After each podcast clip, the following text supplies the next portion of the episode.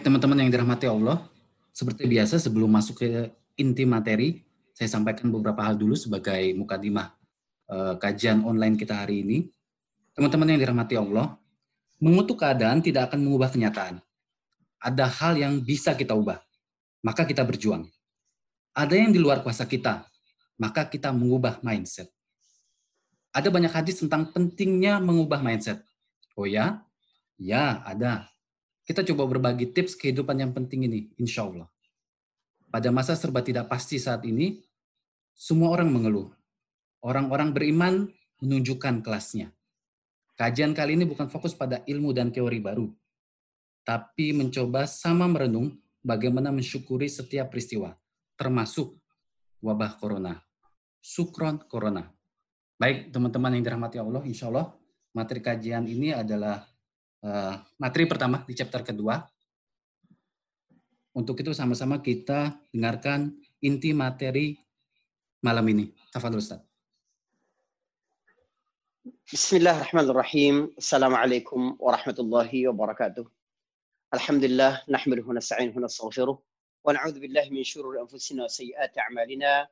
May yahdihillahu fala lahu wa may yudlil fala hadiya an la ilaha illallah wa la syarika lahu واشهد ان محمدا عبده ورسوله اللهم صل وسلم وبارك على النبي الهدى وعلى اله واصحابه ومن والاه اما بعد ikhwani wa akhwati dimanapun teman-teman berada semoga Allah melindungi kita semua beserta keluarga dari segala wabah bencana serta kesusahan-kesusahan dalam hidup kecuali itu meningkatkan keimanan dan ketaatan kita kepada Allah Subhanahu wa taala. Hari ini alhamdulillah kita dapat kembali melanjutkan majelis ilmu uh, pada hari ini masih dalam rangkaian mini seri fikih musibah. Kejadian-kejadian seperti ini harus menambah, uh, meningkatkan kelas kita sebagai orang yang beriman. Hari ini kita bicara tentang tema syukran corona. Yang pertama-tama biar tidak salah paham saya ingin sampaikan bahwa tentu saja judul pada hari ini bukan kita mensyukuri adanya wabah penyakit bukan. Bahkan Nabi Wasallam tidak pernah terdapat riwayat bahwa Nabi bersyukur kepada Allah karena adanya penyakit bukan. Justru ada hadis Nabi Wasallam dari Bukhari dan Muslim, Nabi bersabda begini, Ya ayuhan nas, wahai segenap manusia, la tatamannau liqa al adu. Jangan kalian mengangan-angankan berjumpa dengan eh, musuh Jangan diangan-angan akan berjumpa dengan musuh. Artinya peperangan. Was'alullah al-afiyah. Tapi mintalah terus kepada Allah keadaan yang stabil, keadaan yang afiat, keadaan yang prima dalam kehidupan kita. Fa'idha laqitumuhum. Tapi kalau kalian berjumpa dengan musuh kalian itu, fasbiru maka bersabarlah.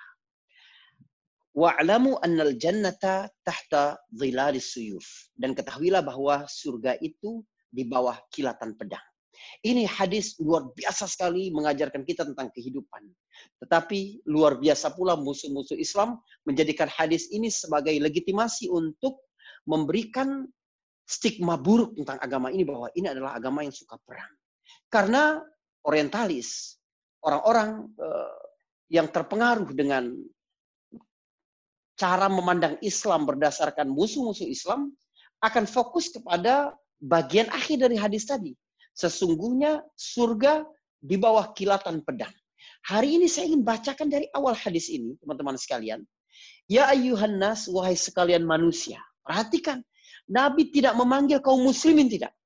Nabi ingin katakan ini kepada manusia. Artinya, kalau Nabi berkata, atau di dalam Al-Quran disebutkan, Ya ayuhan nas, nilai-nilainya ini bersifat universal. Artinya ajaran ini ada pada umat Nabi Muhammad juga umat nabi-nabi terdahulu. Karena sifatnya sangat umum. Bukan hanya untuk kaum muslimin umat Nabi Muhammad sallallahu alaihi wasallam. Ya ayuhan nas, afsyus salam misalnya Nabi bilang, wahai manusia, sebarkanlah keselamatan, sebarkanlah salam kata Nabi. Nilai ini, nilai kedamaian, nilai keselamatan, artinya dibutuhkan oleh semua manusia. Bukan hanya umat Islam yang perlu menyebarkan itu. Ini makna ya ayuhan nas. Artinya pesan-pesan yang Nabi sebutkan di dalam hadis riwayat Bukhari dan Muslim ini adalah pesan-pesan universal. Ingat, eh, ini bagian paling penting kita malam ini bagaimana memahami hadis, bagaimana memahami teks sebuah referensi agama, hadis atau Al-Quran yang disebut dengan fahmun nusus. Bagaimana memahami nas, hadis atau Al-Quran. Wahai manusia, kalian jangan mengangan-angankan dat bertemu dengan musuh. Artinya apa? Umat Islam jangan cari musuh, jangan. Subhanallah. Lihat awal hadis ini, biar nanti kita bisa membantah bagaimana orientalisme, bagaimana orang-orang yang memusuhi Islam, ya para orientalis, orang-orang yang memusuhi Islam, punya pandangan buruk tentang agama ini sangat tidak beralasan. Kalian jangan mengangan-angankan bertemu dengan musuh. Artinya umat Islam ini suka hidup dalam kedamaian, dalam keharmonisan, dalam stabilitas yang luar biasa. Dan mintalah kepada Allah situasi yang stabil, situasi yang prima, situasi paling baik. Itu makna al-afiyah. Al-afiyah pada diri adalah kesehatan, kedamaian, eh, ketenangan hati. Ini afiyah. Dalam kehidupan keluarga tidak ada pertengkaran, tidak ada cekcok, tidak ada hal-hal yang membuat eh, masing-masing bersih tegang kepada yang lain. Tidak. Begitu juga dalam masyarakat. Ini makna was'alul afiyah. Tetapi kata Nabi, kalau sekiranya ada musuh yang mengganggu kalian, fa'idha laqitumuhum. Ingat, kalau mereka ini datang kepada kalian, mereka memusuhi kalian, menentang kalian, menyakiti kalian, kalian harus sabar. Maka kalian harus sabar. Perhatikan, Nabi berkata, maka kalian harus sabar. Dan ketahuilah, ini baru bagian akhir dari hadis. Dan ketahuilah bahwa surga itu di bawah kilatan pedang. Nabi sebutkan reaksi yang paling agresif di akhir. Kalian kalau bisa cegah itu. Dengan cara apa? Ajak mau'izah hasanah. Ajak hikmah kepada mereka. Dikatakan dalam Al-Quran. Qul ya ahlal kitab. Katakan kepada ahli kitab. Orang-orang Yahudi dan Nasrani. Ta'alau ila kalimatin sawa. Mari sini. Kita duduk bersama melihat mana kesamaan-kesamaan dalam syariat kita. Biar menemukan titik-titik temu keharmonisan antara kita. Kalau memang tidak bisa, mereka tetap ngotot melakukan permusuhan, ah ini saatnya bagi kalian. Berjuang, hadapi itu. Karena sesungguhnya surga di bawah kilatan pedang. Nabi mengajarkan kepada kita, pada saat tidak ada kesempatan lagi, tidak ada pilihan lagi, kecuali memang harus berperang, kalian harus hadapi dan teguh di situ. Nah, sekarang saya ingin bawa hadis ini. Bagaimana kita menghadapi pandemi? Bagaimana kita menghadapi wabah yang eh, telah membuat takut dunia secara global ini? Yang pertama, kita pasti ada pada fase menolak. Artinya, ini tidak mungkin terjadi di negaraku, ini tidak terjadi pada keluargaku, ini tidak terjadi di kampungku, ini tidak terjadi di uh, negeriku. Ada perasaan begitu. Maka uh, kita disuruh bagaimana kita uh, bersabar, bagaimana kita menunggu di rumah, bagaimana ah, ini cara cara Al-Qur'an, cara hadis, cara syariat uh, ketika kita menghadapi musuh dalam tanda petik. Tetapi kalau dia benar-benar datang, maka ini saatnya untuk bersabar. Saudara, kita kan miris melihat bagaimana saudara-saudara kita yang meninggal karena difonis positif COVID-19 ini ditolak ketika akan dimakamkan. Apa dosa mereka? Apakah mereka ini bisa memilih? Tidak bisa mereka ini memilih. Saudara, dalam kehidupan ini kita selalu dihadapkan kepada dua peristiwa. Peristiwa yang bisa kita pilih dan peristiwa yang tidak bisa kita pilih.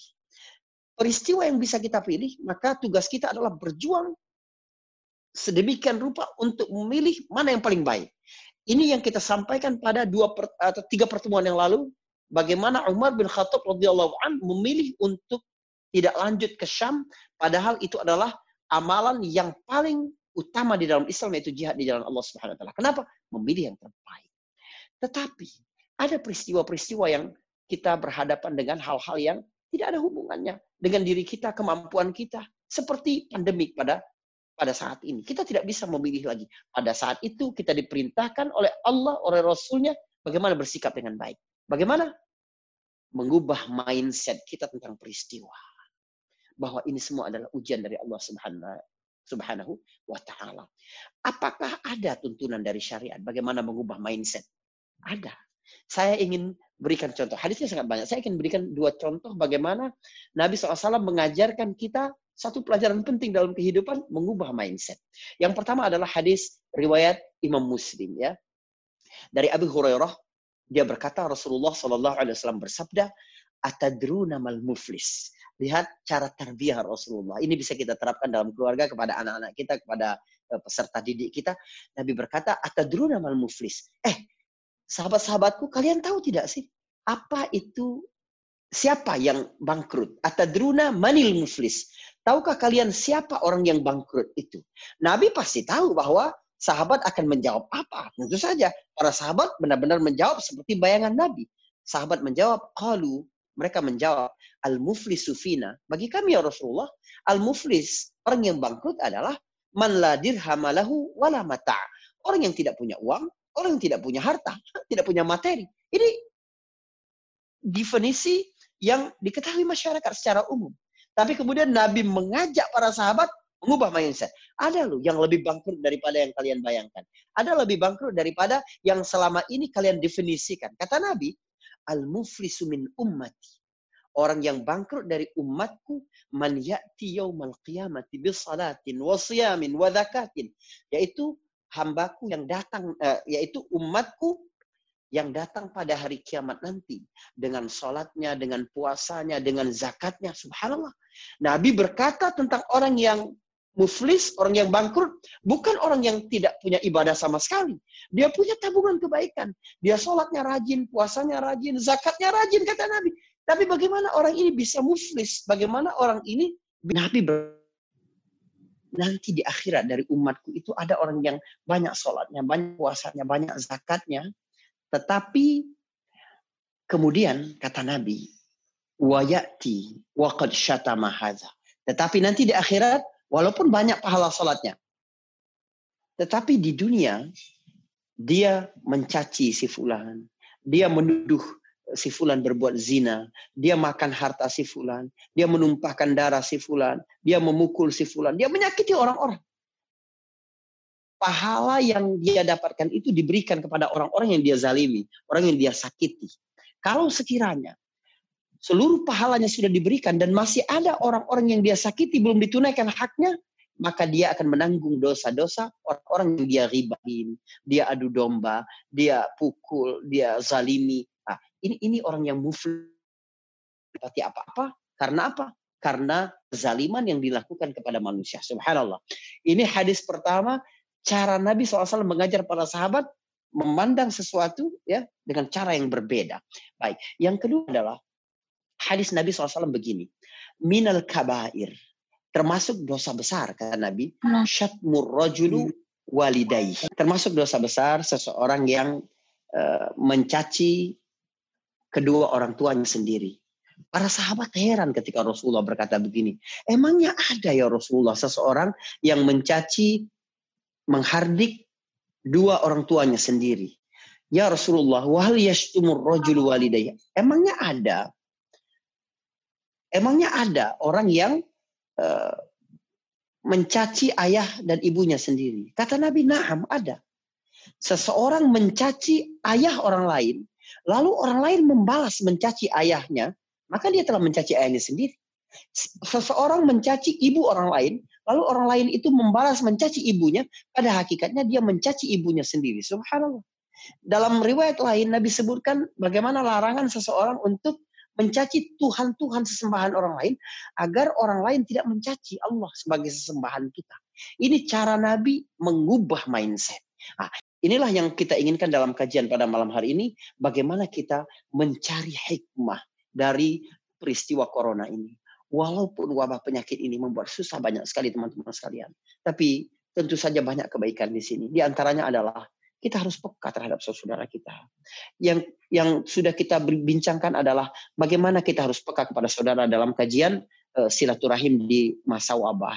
Bagaimana tauhid kita menjadi semakin kuat ketika kita bicara tentang konsep tawakal di masa wabah. Ini ini eh, saat-saat kita di mana orang-orang mukmin harus naik kelas ketika yang lain uh, bergelimpangan, justru menjadi kufur nikmat, justru menjadi semakin jauh kepada kepada Allah Subhanahu wa taala.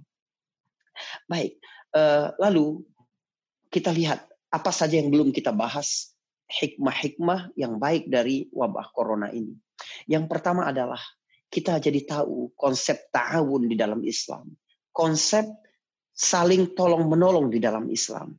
Saudara, menarik sekali ketika Allah Subhanahu wa taala dalam surat Al-Maidah surat 5 ayat kedua berfirman wa ta'awanu 'alal birri wa la ta'awanu 'alal ismi wal 'udwan. Dan tolong menolonglah kamu dalam ketakwaan dan kebaikan, kebaikan dan ketakwaan dan janganlah kamu tolong menolong dalam eh, dosa dan permusuhan. Subhanallah. Pertama Al-Qur'an menjelaskan tentang asal dalam hubungan antar manusia adalah konsep kooperatif. Bagaimana bersifat bersikap kooperatif dan e, berkooperasi dan kolaborasi. Dalam hal apa? Dalam hal kebaikan dan dalam hal ketakwaan. Apa makna albir? Apa makna at-taqwa? Albir adalah kebaikan yang semua orang dapat merasakan antar sesama. Jadi, apa pun yang bisa kita sinergikan menjadi kebaikan untuk kemanfaatan orang banyak, kita dianjurkan untuk melakukan ta'awun, melakukan konsep kooperasi dalam kehidupan kita. Bagaimana tolong menolong dalam kehidupan kita. Saya ingin cerita sedikit. 2006 ini saat saya pertama kali menggagas uh, Iman Pet, Urban Muslim Life ini. Kita ingin ada kajian yang sesuai dengan gaya berpikir orang-orang kota. Kita ingin uh, bagaimana repackaging hadis, repackaging Al-Quran, ya tanpa mengubah isinya, tapi sesuai sekali dengan bagaimana kehidupan yang dilakukan oleh masyarakat kota. Di antara persoalan-persoalan masyarakat kota pada waktu itu yang uh, kita kumpulkan, gitu, adalah bagaimana mereka bersikap sangat kompetitif. Artinya mereka berlari, berlari, berlari, ingin yang lain tertinggal dari dari diri mereka. Nah, ketika kita cari Mana sih Al-Quran, mana sih hadis yang sesuai dengan eh, problem ini sehingga orang-orang menjadi letih, seseorang menjadi penjilat, seseorang menjadi saling siku dengan sesama karena sifat kompetitif yang luar biasa bagi masyarakat urban, orang-orang muslim yang hidup di di kota besar. Lalu eh, kita dapati Al-Qur'an pada surah 5 ayat kedua ini wa ta'awanu 'alal birri wa taqwa wa la ta'awanu 'alal ismi wal 'udwan. Lalu saya berpikir, teman-teman sekalian, ayat ini sudah biasa sekali didengar oleh orang-orang masyarakat urban bersifat uh, apa uh, kooperatif. Tetapi masalahnya adalah bagaimana menyampaikan pentingnya sifat kooperatif kepada masyarakat yang sangat kompetitif. Ini PR yang luar biasa ini. Maka dicari bagaimana logika-logika, bagaimana grafik, bagaimana uh, uh, ukuran-ukuran seseorang lebih sukses ketika melakukan usaha yang kooperatif dibanding bersikap sangat kompetitif. Jadi uh, bagaimana menggabungkan ini dengan baik? Bagaimana fastabiqul khairat bergabung dengan wa ta'awanu 'alal birri wat taqwa. Di satu sisi harus kompetitif, tapi jangan sekali-kali meninggalkan sifat kerjasama ini, sifat tolong menolong ini. Bahkan dalam kaitannya dengan wabah corona COVID-19 ini, negara pun tidak bisa melakukannya sendiri. Ini ini contoh yang baik. Siapa yang berseteru sekarang yang paling uh, paling tajam? Antara Cina dan Amerika Serikat. Ketika pejabatnya saling tuding, saling tuduh, saling celah, apakah itu dapat mengubah keadaan? Apakah itu memperbaiki jumlah, mengurangi jumlah korban, jumlah eh, orang-orang sakit di kedua negara? Tidak akan bisa pasti. Nah, dan Allah Subhanahu Wa Taala bahkan menyebutkan konsep tentang bersikap kooperatif ini eh, bisa mencegah negara dengan negara dua kekuatan besar saling saling bermusuhan. Nah, ini yang kita lihat bagaimana ketika orang sama-sama menghadap menghadapi wabah penyakit corona uh, virus corona ini masing-masing akhirnya memilih jalan. Allah SWT berfirman ini ini teman-teman bisa uh, telaah ini ya tapi tadabur ayat di, di tafsir mungkin teman-teman bisa lihat karena di terjemahan uh, sangat sangat sulit dipahami. Surat Al-Baqarah ayat 251 ketika Allah Subhanahu wa taala berfirman, "Walaula daf'ullahi nasa ba'dahum bi ba'din la fasadatil ardu walakinallaha dzu fadlin 'alal alamin." Ini ketika Allah bercerita tentang Daud dan Jalut. Jahatan satu bangsa atau seorang manusia dengan manusia yang lain, maka bumi ini akan hancur kata Allah. Tetapi Allah memiliki uh, kemurahan, Allah memiliki kebaikan atas seluruh umat manusia semesta. Mau yang ingkarnya atau yang berimannya. Laula daf'ullah, ini disebut para ulama dengan istilah sunnatut tadafwa. Jadi cara Allah memelihara alam ini, Allah tidak mungkin menciptakan yang sangat dominan, yang lainnya di bawah. Itu tidak mungkin. Itu akan menciptakan kezaliman, kesemena-menaan antar satu kekuatan dibanding kekuatan yang lain. Jadi dulu misalnya ada Amerika, maka ada Uni Soviet. Kemudian Uni Soviet runtuh, ada Amerika, ada Uni Eropa. Uni Eropa melemah, ada Amerika, ada Cina. Ada selalu begitu. Dan uh, para ahli fikih hadarah, fikih peradaban Islam akan tahu bahwa orang-orang ya fikih peradaban ini, orang-orang yang tahu tentang eh, DNA peradaban, seperti yang di Eropa, di, di Amerika Serikat, dia tahu bahwa musuh sesungguhnya mereka adalah Islam. Karena dia tahu eh, konsep-konsep Islam tentang kebangkitan itu jauh lebih matang daripada Cina. Artinya, seperti Huntington, seperti uh, Fukuyama, itu bikin buku bagaimana Barat ini harus menghadapi Islam. Kenapa begitu? Karena dia tahu yang akan bangkit sebenar-benar bangkit itu adalah Islam. Itu ada di kita semua, ada di pundak kita semua. Kalau kita mau memperlambat ini atau mengakselerasi ini sehingga kita menjadi generasi yang menyaksikan kebangkitan Islam itu. Ini ini sunnah Allah Allah dalam dalam kehidupan. Ini ini teman-teman bisa lihat sendiri bagaimana hubungan antar negara di dunia ketika ada wabah penyakit ini.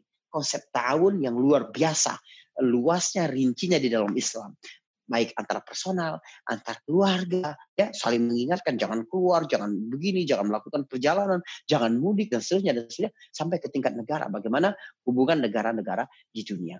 Ini terima kasih kepada corona karena telah mengajarkan kita konsep, menegaskan kita kepada lagi konsep tahun di dalam Islam. Akan khusus ya, tentang cakupan kebersihan yang luar biasa dalam Islam. Bagaimana Islam mengatur uh, Insya Allah ini minggu depan kalau tidak salah saya Mas Bayu ya, admin uh, bahwa uh, kita akan bahas tentang bagaimana konsep kebersihan dalam Islam. Ada banyak teman-teman tidak tahu ini bahwa Anda pikir di dalam Islam kebersihan itu cuma wudhu cuma mandi besar. Tidak sama sekali. Ya, Anda akan tahu bagaimana Islam menganjurkan untuk menutup uh, gelas-gelas, menutup tempat-tempat makan, tempat-tempat minum sebelum tidur, bagaimana bejana dijaga, bagaimana harus membersihkan tempat tidur sebelum kita berbaring, bagaimana subhanallah. Ini konsep kebersihan di dalam Islam. Bagaimana uh, mencuci tangan setelah bangun tidur, bagaimana mencuci tangan sebelum wudhu, bagaimana mencuci tangan sebelum ini ada maksudnya semua. Ada ada rahasia-rahasia kemujizatan ilmiah di situ. Tapi saya ingin nanti ketika kita bicara tentang konsep kebersihan di dalam Islam yang diajarkan, yang kita sama-sama menjadi lebih perhatian karena corona ini, Anda harus lebih memperhatikan kebersihan bukan karena sains, bukan karena penyakit, bukan. Tapi semata-mata aku adalah hamba Allah, aku adalah umat Nabi Muhammad SAW, aku akan melakukan ini semua karena ketaatanku kepada Allah dan kepada Rasulnya. Begitulah umat Islam sangat indah melakukan ketaatan-ketaatan ini sehingga bonus-bonus lain, kesehatan, ke kestabilan, ketenangan, itu akan dia dapatkan. Tapi utamanya kita berorientasi akhirat. Insya Allah akan ada. Kita bicara tentang konsep kebersihan di dalam Islam, eh, dalam rangkaian mini seri fikih musibah ini. Yang ketiga, teman-teman sekalian, ini saya skip. Yang ketiga adalah percaya kepada ulama. Lihat bagaimana pemerintah ternyata tidak punya kekuatan apa-apa, butuh ulama. Karena manusia emosi beragamanya itu tidak bisa dibendung tidak. Kalau tidak keluar fatwa-fatwa ulama, kalau sekiranya ulama-ulama berkata, tidak, kita harus tawakal kepada Allah. Tetap ke masjid. Walaupun oh, penyakit ini begini-begini. Orang akan tetap ke masjid. Walaupun pemerintah mencegah mereka. Ini kan bukti bahwa tolong pemerintah, rakyat, pemangku jabatan. Anda jangan menggunakan ulama ini hanya ketika dibutuhkan seperti sekarang saja. Tidak. Umat Islam ini sangat menghargai ulama. Kita butuh fatwa ulama. Kita butuh bimbingan ulama. Dan memang begitu Rasulullah SAW mengajarkan kita. Karena itulah Allah SWT dalam surat Al-Mujadilah ayat 11. Sesudah dirahmati Allah sekali lagi. Ini adalah saatnya kita tahu meneguhkan di dalam diri kita betapa berharganya orang-orang alim. Saya katakan orang-orang alim itu bukan saya bukan ya, tapi ustadz-ustadz yang mengerti tentang agama ini. Kita harus hormati mereka semua. Kita ini orang awam. Kita percaya bahwa mereka adalah penyambung lisan Rasulullah Shallallahu Alaihi Wasallam. Allah berfirman dalam surat Al-Mujadilah ayat ke-11, Yarfa'illahu alladhina amanu walladhina utul ilma darajat. Allah mengangkat derajat orang yang iman dan orang-orang yang menuntut ilmu.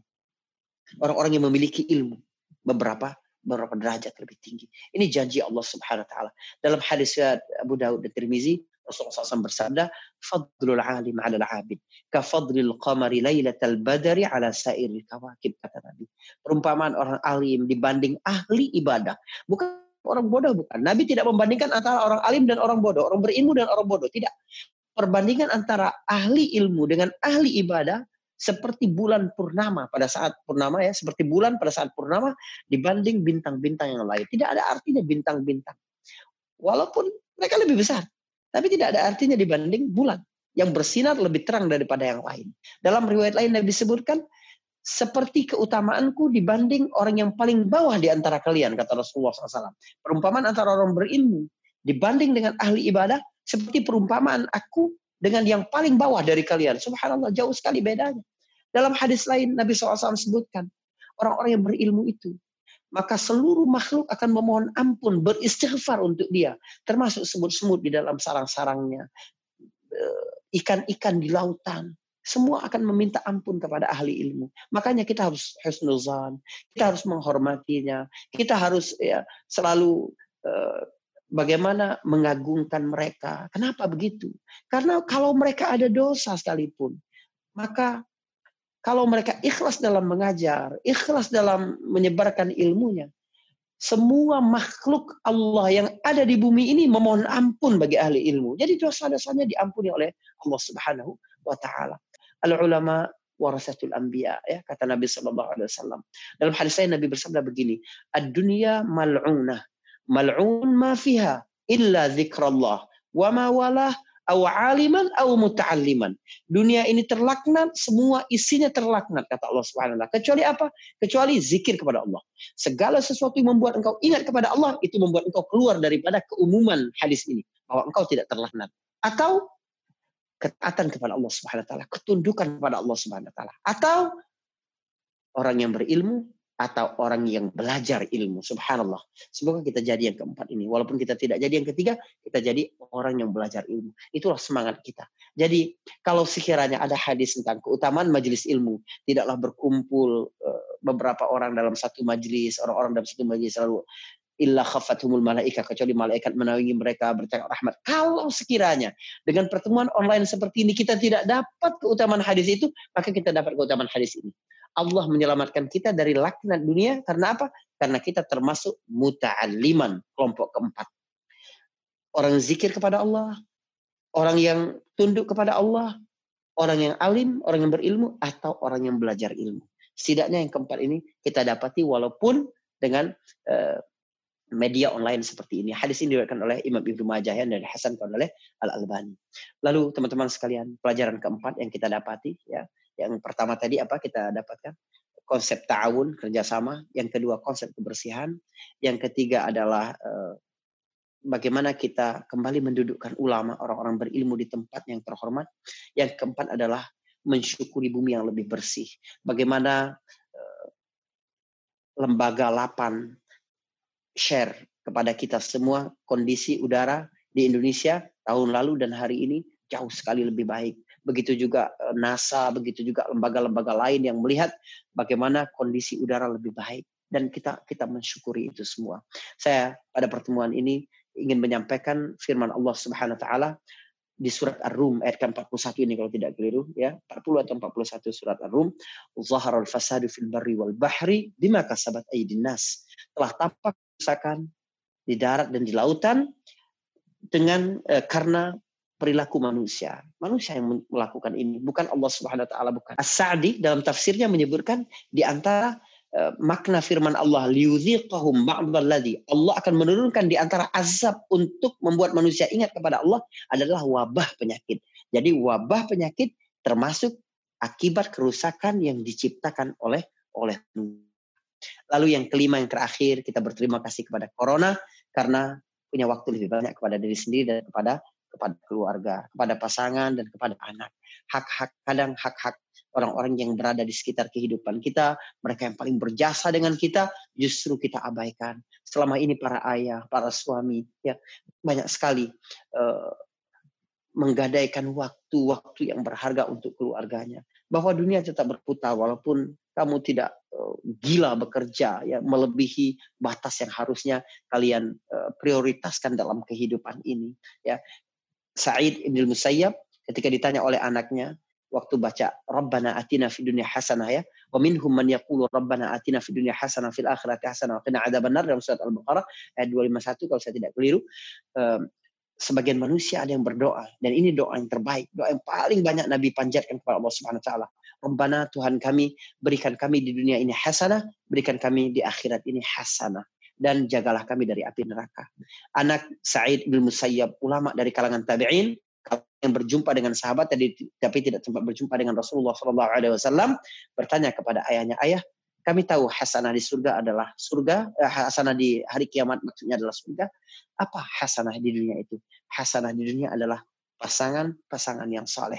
Saatnya sekarang kita memperbaiki hubungan dengan pasangan kita, dengan keluarga kita. Semoga terciptalah surga di dunia agar nanti kita memperoleh surga di akhirat.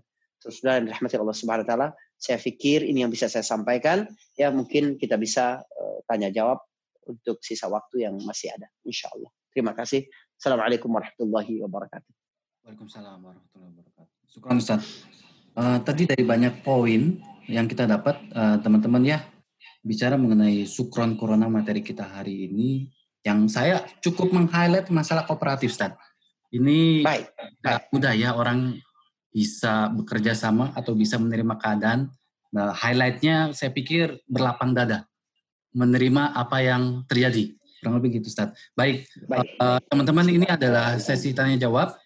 Bagi yang ingin bertanya, silakan bisa disiapkan. Kita langsung ke satu pertanyaan ya, Ustaz ya. Insya Allah. Baik, uh, Assalamualaikum Ustaz. Bagaimana kita meyakini jika segala sesuatu yang terjadi dalam hidup ada hal yang terbaik dari Allah? Bagaimana cara kita untuk sampai pada tahap ridho? Nah ini bagus sekali Ustaz. Dan bagaimana cara kita memahami hikmah akan sesuatu yang terjadi dalam hidup hingga akhirnya kita dapat bersyukur pada setiap kondisi uh, pada setiap kondisi. Fadil Ustaz. Baik, baik. Uh, ini yang bertanya teman yang ikut kelas iman pet atau bukan ya? Sepertinya, Ustaz. Ya, kalau kalau ikut kelas iman pet kita kita sudah pernah sampaikan uh, anak tangga aktivitas kehidupan muslim, step-step dalam kehidupan muslim. Saya ingatkan kembali juga eh, bagi teman-teman yang yang uh, belum sempat ikut kelas iman pes bahwa dalam kehidupan seorang muslim dia harus melalui step-step berikut. Step yang paling bawah adalah ikhtiar.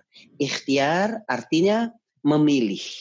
Ya, setelah itu yang kedua adalah kasab Kasab artinya ya jadi dibikin seperti anak tangga kalau yang teman-teman di rumah yang mau mencatat bikin seperti anak tangga. Ada lima step. Step paling bawah namanya ikhtiar atau memilih. Step yang kedua, anak tangga yang kedua adalah kasab, artinya usaha. Step yang ketiga adalah raja atau optimis. Ya. Step yang keempat adalah tawakul atau bertawakal. Step yang kelima adalah ridho. Inilah ibu kebahagiaan. Inilah peringkat paling tinggi dari aktivitas kehidupan mukmin. Jadi orang mukmin jika ingin memperoleh rasa ridho, ketenangan di dalam hatinya berlapang dada dengan keputusan Allah Subhanahu wa taala, maka dia harus melalui empat fase sebelumnya. Fase saya biasa contoh berikan contoh seorang petani. Dia harus melalui fase yang paling awal yaitu memilih. Pilih bibit yang paling uh, baik. Pilih tanah yang paling subur. Pilih Eh, pupuk yang paling bagus. Pilih sistem pengairan yang paling unggul. Nah, ini memilih, memilih, memilih. Begitu dia sudah benar dalam tahapan memilih, baru dia berusaha. Dia tanamkan, dia dia semai, dia eh, beri pagar, dia jaga dari hama penyakit. Ini usaha semua. Tapi ingat, usaha baru bisa optimal ketika memilih optimal.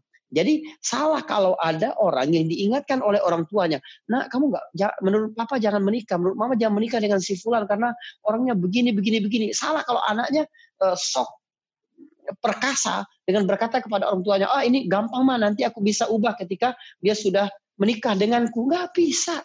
Ya kalaupun bisa, Anda butuh keringat yang lebih uh, banyak, butuh air mata yang lebih banyak, butuh darah yang lebih banyak, ya, butuh kesusahan yang lebih banyak. Jadi mulailah dari tahap memilih, karena itu agama suruh pilih jodoh yang paling baik berdasarkan agamanya, berdasarkan akhlaknya. Ini ini yang paling utama. Setelah benar, baru usaha. Bagaimana membangun keluarga yang diridhoi oleh Allah Subhanahu wa taala. Kalau petani tadi bagaimana dia mulai menanam, bagaimana dia mulai memelihara kebunnya. Setelah itu baru fase raja atau penuh harap, optimisme kepada Allah Subhanahu wa taala. Tanpa optimisme kita telah membunuh kemampuan paling baik yang dimiliki oleh manusia. Lalu kemudian apa? lalu kemudian tawakal kepada Allah. Ketika dia sudah melakukan tiga fase itu, saatnya kita berserah diri kepada Allah Subhanahu wa taala. Karena tidak mungkin sesuatu menimpa seseorang kecuali ada maksud baik dari Allah Subhanahu wa taala. Ini pasti ini. Wa asa an takrahu syai'an wa huwa khairul lakum. Bisa jadi kalau Allah yang bilang bisa jadi, itu berarti pasti. Satu yang kalian tidak suka pada saat takdir itu terjadi, maka Allah Subhanahu wa taala pasti telah menyiapkan kebaikan di kemudian hari. Karena itu konsep kebahagiaan orang mukmin berbeda dengan siapa pun. Orang-orang non mukmin berkata, seburuk apa pun hari ini di muka aku akan sukses. Orang mukmin tidak. Seburuk apa pun hari ini pasti dia membawa ya sebab-sebab kesuksesan dari keburukan itu. Jangan memaksa diri memahami takdir pada saat dia terjadi. Orang mukmin, orang mukmin, orang non mukmin, ya orang yang tidak beriman kepada takdir dengan baik, ketika dia dihadapkan dengan keburukan, optimismenya begini. Seburuk apa pun hari ini, aku bisa melewatinya. Atau dalam bahasa yang lebih vulgar begini, eh, sesuatu akan indah pada waktunya. Ini bukan konsep orang mukmin, bukan Konsep orang mukmin, sesuatu selalu indah pada waktu apa pun. Bahkan ketika tertimpa musibah, bahkan tertimpa bencana, sesuatu pasti memberikan uh, datang secara bersamaan kebaikan dari Allah Subhanahu wa taala. Inilah makna firman Allah, fa inna ma'al usri usra, inna ma'al usri usra. Ayat itu artinya bukan setelah kesusahan ada ke kemudahan bukan, tetapi bersama kesusahan ada kemudahan. Pasti itu dari musibah yang dipandang buruk di mata manusia, pasti ada kebaikan yang Allah berikan. Walaupun kamu belum paham pada saat itu. Kamu paham setelahnya. Nah, subhanallah. Perhatikan kisah Yusuf alaihissalam. Berkali-kali dizalimi. Di, dimusuhi oleh saudara-saudaranya. Dibuang ke sumur. Dijual sebagai budak. Di e, fitnah. Di penjara tanpa pengadilan. Ini buruk semua. Siapa bilang ini baik? Tapi ternyata ini cara Allah menyelamatkan bangsa Mesir dari paceklik tujuh tahun. Ini menciptakan peradaban Mesir sampai ini yang membuat Al Azhar ada, ini yang membuat uh, ya, ulama-ulama dari Mesir, ini yang membuat kenapa kita bisa menikmati itu semua? Kenapa sampai ilmu arkeologi sampai pecah ada ilmu tersendiri di luar arkeologi disebut dengan Egyptologi, ilmu tentang Mesir. Kenapa? Saking banyaknya peninggalan dari peradaban Mesir. Dari mana itu semua? Dari hal-hal yang buruk menimpa Yusuf tapi cara Allah menyelamatkan bangsa Mesir, cara Allah memberikan kontribusi bagi peradaban dunia sampai hari ini. Baik. Di orang non orang non mukmin akan berkata seburuk apa pun hari ini aku bisa uh, menghadapinya dan nanti ujungnya akan baik. Tapi bagi orang mukmin tidak. Seburuk apa pun hari ini di mata manusia, tapi dia pasti mengandung kebaikan di sisi Allah Subhanahu wa taala. Baik, uh, Masya Allah. Uh, syukran Ustaz. Uh, memotivasi sekali uh, catatan yang terakhir tadi, kita lanjut ke pertanyaan berikutnya, Ustaz. Uh, Afan Ustaz, tadi Ustaz menjelaskan bagaimana menghadapi pandemi yang poinnya salah satunya bersabar dan mengubah mindset saja atau masih ada lagi Ustaz? Saya coba ulangi lagi Ustaz ya. Tadi Ustaz menjelaskan Gimana gimana? Oke. Okay. Uh, baik. Uh, tadi Ustaz uh, menjelaskan bagaimana menghadapi pandemi poinnya hanya bersabar dan mengubah mindset saja atau masih ada lagi Ustaz? Syukran. Baik. Baik, baik, baik. Di awal saya sampaikan begini, kita berhadapan dengan dua jenis peristiwa dalam kehidupan. Peristiwa yang bisa kita ubah, maka kita optimalkan ikhtiar di sini, ya, kita optimalkan usaha di sini. Tetapi ada peristiwa-peristiwa yang tidak bisa kita ubah. Yang bisa kita ubah, yang bisa kita usahakan apa? Kita tidak uh, kita melakukan social distancing rumah, kita selalu mencuci tangan, kita menjaga jarak ketika berbicara dengan yang lain, kita sampai menunda untuk sholat berjamaah di masjid. Dan seterusnya dan seterusnya. Ini hal-hal yang di bawah kontrol kita bisa kita usahakan. Di luar itu, Anda nggak bisa menghapus bahwa ada kenyataan Jakarta seribu lebih kasus COVID-19. Eh, kemudian daerah-daerah lain, Jawa Barat, Jawa Timur dan daerah-daerah lain ya di Jambi alhamdulillah positif yang terdeteksi ada dua dua dua kasus ini kita saya lagi di Jambi ini ya. Nah, ini hal yang tidak bisa kita ubah. Maka yang kita ubah adalah mindset kita. Kita melihat apa sih hikmah dari peristiwa yang besar ini apa. Anda akan tahu bagaimana akhirnya semua bersatu, semua bersinergi, semua sama-sama melawan pandemi, semua ya oh, para ahli-ahli melakukan riset apa obat yang paling baik, apa dan seterusnya dan seterusnya. Ini ini tema kajian kita malam ini. Bagaimana kita mengubah mindset itu? Baik, uh, syukuran Ustaz. Kita ke pertanyaan berikutnya. Eh, nah ini menarik nih Ustaz. Sekarang kan kita lagi dalam kondisi menghadapi ya Ustaz. Zaman dahulu Ustaz, bagaimana Rasul mengajarkan apa yang perlu dilakukan jika wabah sudah selesai. Nah ini bagaimana sikap kita kalau kita sudah melewati masa sulit ini Ustaz? Baik, baik. Uh, subhanallah, ini pertanyaan bagus sekali ya. Saya saya belum baca ini. Bagaimana kesudahan dari situ? Kalau yang dari peristiwa Umar bin Khattab radhiyallahu an, ya dari Umar bin Khattab radhiyallahu an memang e, masing-masing banyak sahabat yang akhirnya meninggal dunia di Syam termasuk sahabat-sahabat besar Abu Ubaidah bin Jarrah dan seterusnya ya. Tapi kemudian begitu selesai tentu saja kehidupan kembali kembali normal Allah alam. Di zaman Nabi tidak ada yang menimpa Nabi langsung tapi ada uh, satu utusan ya sekelompok utusan yang sakit yang Nabi sampaikan jangan bercampur dengan orang-orang itu. Tapi begitu mereka sembuh berarti kehidupan kembali normal. Allah alam besar Baik.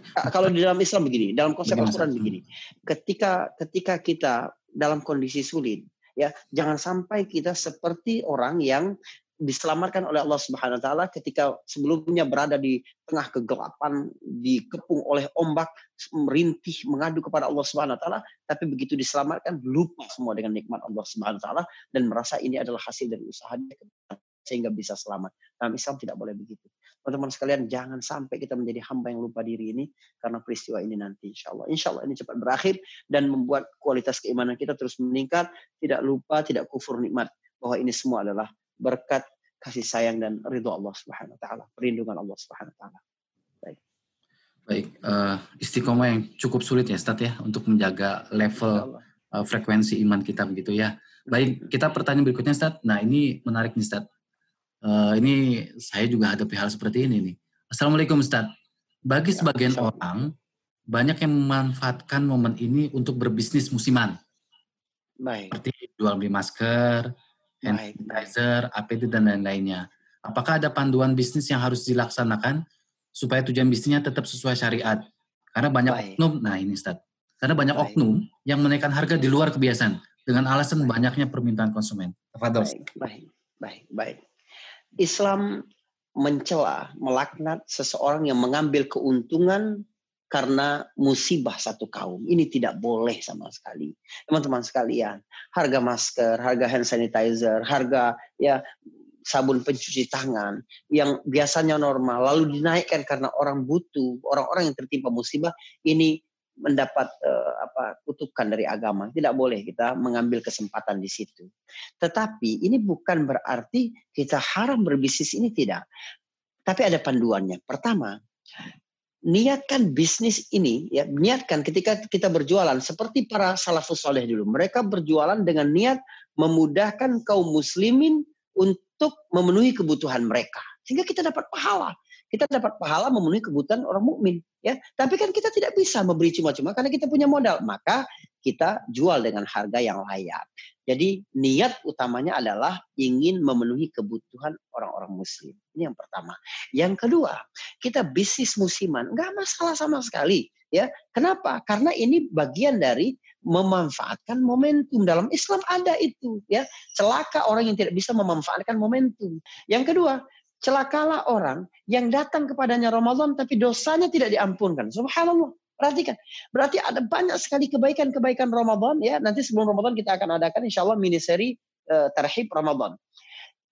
Orang yang datang Ramadan tapi tidak uh, diampuni dosanya karena tidak ada lagi momentum yang lebih baik, yang lebih uh, luar biasa daripada Ramadan. Kalau Ramadan kita gunakan, tidak bisa kita eksploitasi untuk menghapus dosa-dosa kita, tidak ada lagi momentum yang lebih baik dari itu. Celaka orang itu kata Jibril. Nabi mengaminkan. Subhanallah.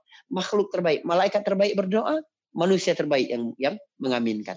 Ya, yang ketiga adalah celakalah orang yang disebut namaku tapi tidak bersalawat kepadaku. Ketika disebutkan Nabi Nabi SAW, Muhammad salli ala Muhammad, kita bersalawat kepada Rasulullah SAW.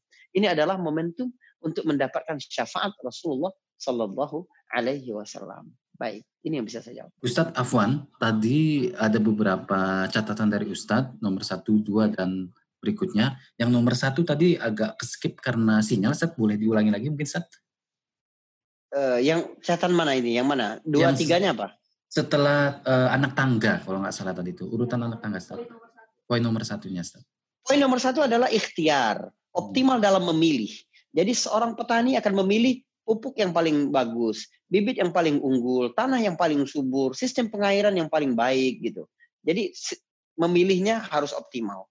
Seorang pelajar memilih Eh, sahabat yang paling baik, yang catatannya paling rapi, yang paling bagus diajak diskusi, yang paling ya tempat fotokopi yang paling bagus, gitu.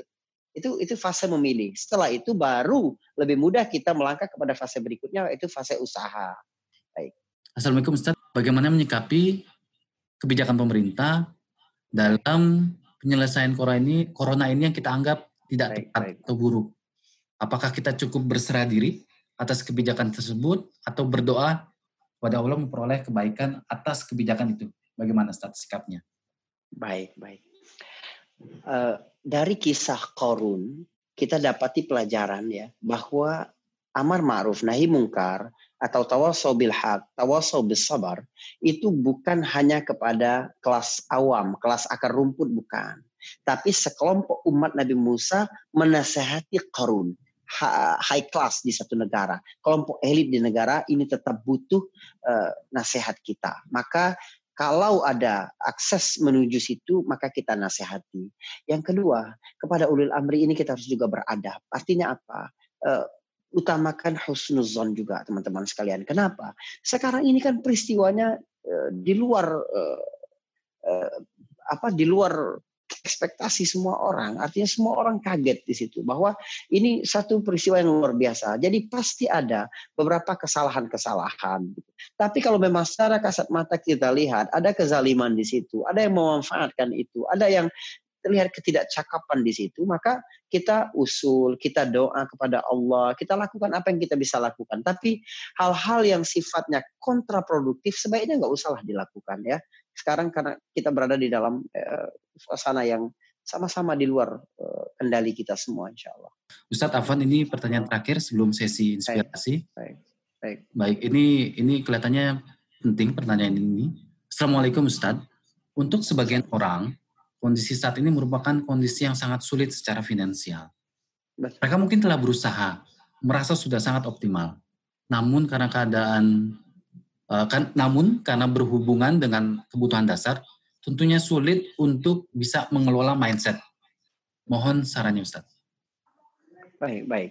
Pertama, apakah kalau kita tidak mengubah mindset, itu akan menjadi lebih mudah? Kan tidak. Yang kedua, teman-teman sekalian, saya nasihati diri sendiri dan kepada semua. Tingkatkan ketakwaan kepada Allah Subhanahu wa taala. Ini saatnya kita menguji seberapa kita beriman kepada semua ayat Allah termasuk waman yattaqillah yaj'al lahu makhraja wa yarzuqhu min haitsu la yahtasib. Eh, siapa yang bertakwa kepada Allah, maka Allah akan memberi jalan keluar dan memberi rizki dari jalan yang tidak diduga-duga. Jangan sampai kita merasa bahwa Allah ini kurang kreatif dalam memberi kita rizki. Na'udzubillah min zalik. Subhanallah. Maha suci Allah dari itu semua. Allah tidak harus memberimu rezeki dari gajimu, dari pekerjaanmu, dari keluar rumahmu sama sekali tidak. Tugas kita adalah berusaha sebisa kita, optimal kita. La yukallifullahu nafsan illa usaha. Jadi kalau sekiranya kita diuji satu waktu karena kekurangan makanan, halal jangankan dirimu, kekasih Allah Rasulullah SAW pun biasa sekali lapar berhari-hari itu. Kadang kita tidak bersyukur ini, padahal kita masih bisa makan sehari-hari. Hanya berpikir bahwa ini nanti berikutnya bagaimana, bagaimana ketakutan-ketakutan yang belum di depan mata, belum tampak di depan mata kita. Sementara Rasulullah dan para sahabat, kekasih Allah Subhanahu Wa Taala dan para sahabatnya itu sudah benar-benar mereka rasakan bagaimana mereka ketika kelaparan tiga tahun dari tahun tujuh kenabian sampai tahun sepuluh kenabian ketika diboykot Quraisy. Apakah Allah tidak sayang dengan mereka? Ini cara Allah menyayangi kita semua. Cara kita menguji husnuzan kita kepada Allah, prasangka baik kita kepada Allah Subhanahu wa taala dan saatnya kita menguji kita seberapa beriman kamu dengan seluruh ayat Allah termasuk ayat yang tadi. Siapa yang bertakwa kepada Allah, Allah berikan jalan keluar dan Allah beri rezeki dari jalan yang tidak diduga-duga. Wallahu a'lam bishawab. Ustadz, uh, ini adalah sesi terakhir kita hari ini, Ustaz. Baik, baik, baik. Baik, baik uh, teman-teman yang dirahmati Allah, insya Allah, mudah-mudahan ada banyak hikmah yang kita dapat atas materi kita tentang hari ini, Sukron Corona. Ini adalah sebuah penerang, adalah sebuah tuntunan bagi kita, sebuah catatan penting yang mudah-mudahan bisa menginspirasi kita semua. Teman-teman yang dirahmati Allah, inilah sebuah inspirasi. Saudara yang dirahmati Allah Subhanahu wa taala, tiga pekan kita sudah di rumah. Masjid merindukan kita. Ubinnya, karpetnya rindu pada tumpahan air mata yang takut pada hari di mana amalan-amalan dihisap. Dinding-dinding masjid rindu dengan suara tadarus, suara pengajian. Mihrab masjid mungkin bertanya, di mana imam, di mana khatib, di mana jamaah. Mana lantunan doa yang biasa naik menembus langit dari bawah kubah-kubah masjid. Kita bersedih jika wabah penyakit ini membatasi ketaatan kita kepada Allah Subhanahu wa taala, bukan karena dunia kita. Ya Allah saksikan. Jika engkau tidak murka kepada kami, maka kami tidak peduli dengan apa yang terjadi. Kami berharap ini diangkat semuanya untuk apa? Untuk kami tetap optimal, menaatimu, patuh kepadamu, menunjukkan kehambaan kami kepada Allah Subhanahu wa taala. Inilah cara kita bersedih. Bukan karena musibah ini membatasi gerak dunia kita bukan, tapi karena menghalangi langkah ke surganya. Semoga pertemuan ini adalah cara kita untuk terus menunjukkan ketaatan kita kepada Allah Subhanahu wa taala. So, saudara yang berbahagia, apabila ada salah saya mohon maaf ya. Saya mohon maaf karena tidak bisa lebih panjang karena ada acara lagi pas jam 9 ini. Apabila ada salah saya mohon maaf. Billahi taufiqul hidayah. Assalamualaikum warahmatullahi wabarakatuh. Waalaikumsalam warahmatullahi wabarakatuh. Baik, uh, syukron uh, Ustaz Faris. Jaga kesehatannya. Kalau kita ketemu lagi besok. Dan teman-teman kita tutup uh, majelis mulia ini dengan doa penutup majelis. Subhanallah bihamdika. Syukran jasa khair. Teman-teman, insya Allah jaga kesehatannya. Kita ketemu lagi di jam yang